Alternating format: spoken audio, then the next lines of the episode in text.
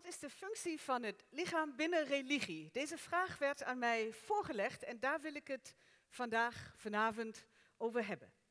Religie wordt doorgaans opgevat als een geloof in God of geesten. En veel gelovigen verlangen naar spirituele ervaringen die het lichaam ontstijgen en overstijgen. Toch zou men tekortschieten als men deze opvatting als uitgangspunt voor onderzoek naar religie zou nemen. En in dit mini-college wil ik uitleggen waarom het lichaam een onontbeerlijk religieus instrument is. Het feit dat men geneigd is dit over het hoofd te zien, wijst op een beperkte mentalistische opvatting van religie. In eerste instantie vormde die opvatting ook mijn uitgangspunt.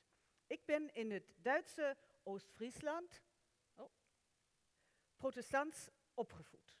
En door die achtergrond had ik als beginnend religieonderzoekster weinig aandacht voor het lichaam. Als ik katholiek zou zijn opgevoed, zou dat wel anders zijn geweest.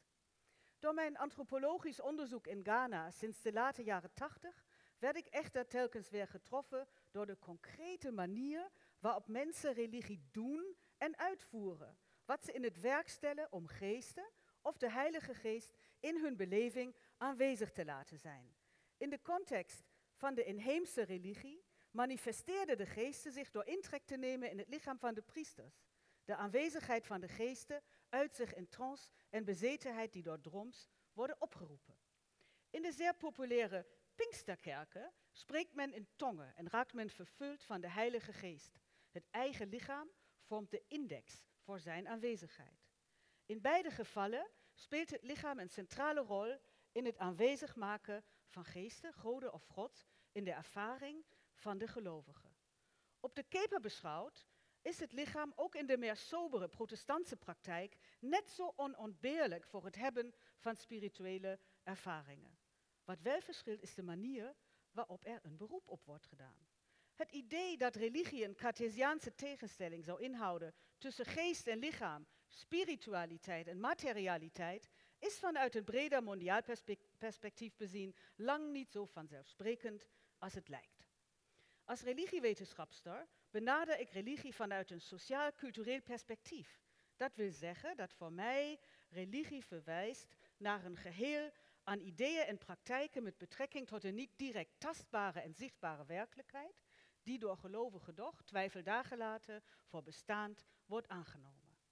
Bij de bestudering van religie kies ik dus voor een materiële benadering die uitgaat van waarnemende, voelende, denkende en handelende mensen. Centraal staan de concrete middelen en lichaamstechnieken waardoor zij zich tot het goddelijke of bovennatuurlijke en tot elkaar verhouden. Zo kunnen wij beter begrijpen hoe die niet direct tastbare werkelijkheid concreet wordt gemaakt via specifieke praktijken, materiële vormen en de daardoor opgeroepen gedeelde gewaarwordingen, sensaties en emoties.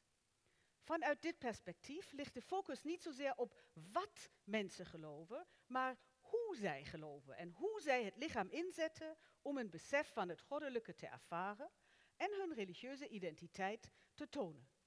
Ik vat het lichaam dan ook op als een religieus instrument zonder het welk geloofsbeleving niet mogelijk is.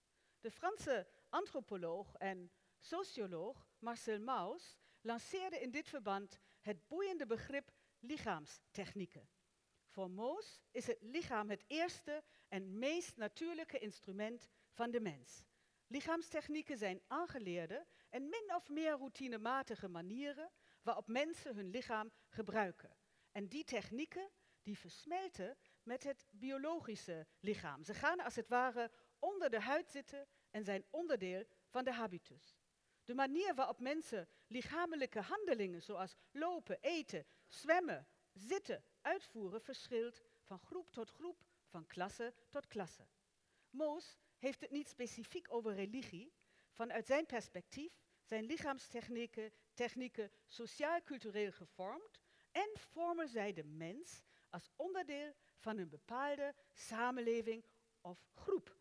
En ook religies impliceren een reeks lichaamstechnieken. Denk bijvoorbeeld aan technieken van het bidden.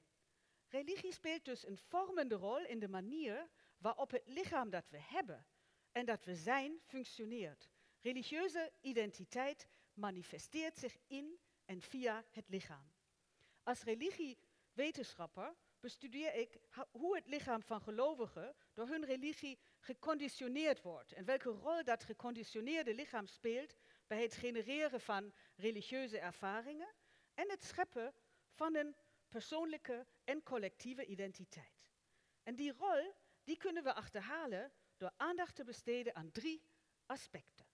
Ten eerste het gebruik van het lichaam als instrument om in contact te komen met het transcendente. Ik heb in dit verband het begrip gewaarwordingsvorm, in het Engels sensational form, gelanceerd. Daaronder versta ik geautoriseerde, overgeleverde religieuze praktijken die het transcendente in de gewone wereld, in het hier en nu, op een bijzondere wijze aanwezig en zelfs ervaarbaar en grijpbaar en dus waar moeten maken. Hier valt te denken aan rituelen waardoor mensen met het transcendente of goddelijke communiceren en praktijken zoals bidden, mediteren, contemplatie en aanbidding. Ten tweede de conditionering van het lichaam door onder andere voedselvoorschriften en taboes, vaste periodes, fysieke ingrijpen zoals besnijdenis, het stimuleren van zintuigen via muziek en beweging, het bedekken van bepaalde delen van het lichaam en regels voor de gepast geachte communicatie tussen mannen en vrouwen. Al deze regels en praktijken vormen niet alleen individuele gelovigen, maar ze scheppen ook hun onderlinge bindingen, alsmede hun collectieve religieuze identiteit. En zo wordt het lichaam een toonbeeld voor een bepaalde religieuze identiteit. Ten derde, de al dan niet expliciete ethiek van gelovigen van hetzelfde slag met betrekking tot het lichaam. Dat wil zeggen de vraag wat er wel en niet met het levende en dode lichaam mag gebeuren. Denk in dit verband aan kwesties in zaken seksualiteit, besnijdenis, medisch ingrijpen, inentingen en euthanasie. Het punt dat ik wil maken is dit. Door aandacht te besteden aan deze drie aspecten kunnen we begrijpen hoe een religie zich in het lichaam nestelt en onlosmakelijk met het zelf van een gelovige verweven raakt. Bijzonder boeiend vind ik in dit verband de rol van het lichaam als oproeper van transcendentie, als instrument voor het voelen van de aanwezigheid van God, goden of geesten. Ik voel, dus ik geloof. En deze houding past goed bij de onze samenleving typerende zoektocht naar diepe ervaringen en sensaties, naar een wow-effect met kippenvel. Wat levert nou de aandacht voor de rol van het lichaam op? De hedendaagse Nederlandse samenleving is uiterst divers. Verschillende godsdiensten bestaan naast elkaar en naast seculiere opvattingen. Religieuze identiteit wordt via het lichaam uitgedragen en getoond en dat zien we dag in, dag uit in onze pluralistische samenleving. Aandacht besteden aan de lichamelijke dimensies van religie kan ons veel leren over de redenen voor conflicten tussen aanhangers van verschillende religies en hun lichamelijke stijlen, als mede tussen gelovigen en mensen die zich als seculier beschouwen. Veel spanningen gaan over verschillende opvattingen, bijvoorbeeld met betrekking tot kleding, bijvoorbeeld het zogenaamde burka-verbod, maar ook voedsel, denk aan de rituele slacht, inenting en besnijdenis. Bij deze spanningen staan telkens weer het religieus gevormde en een religieuze identiteit tonende lichaam, vaak maar niet altijd met betrekking tot de islam, centraal. Doorgaans vormt het geseculariseerde lichaam de norm op grond waarvan het religieuze lichaam wordt beoordeeld.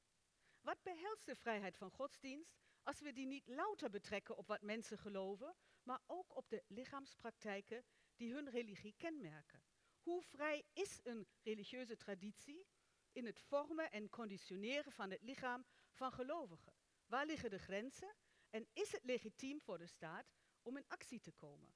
Dit zijn ingewikkelde vragen die naar mijn mening alleen kunnen worden beantwoord als er een dieper inzicht is in de verschillen en overeenkomsten tussen de lichaamstechnieken van protestanten, katholieken, moslims, hindoes, Winti-aanhangers, boeddhisten en ook mensen die zich als seculier beschouwen. En de religiewetenschap wil een bijdrage leveren om dit inzicht te verwerven. Dank voor uw aandacht.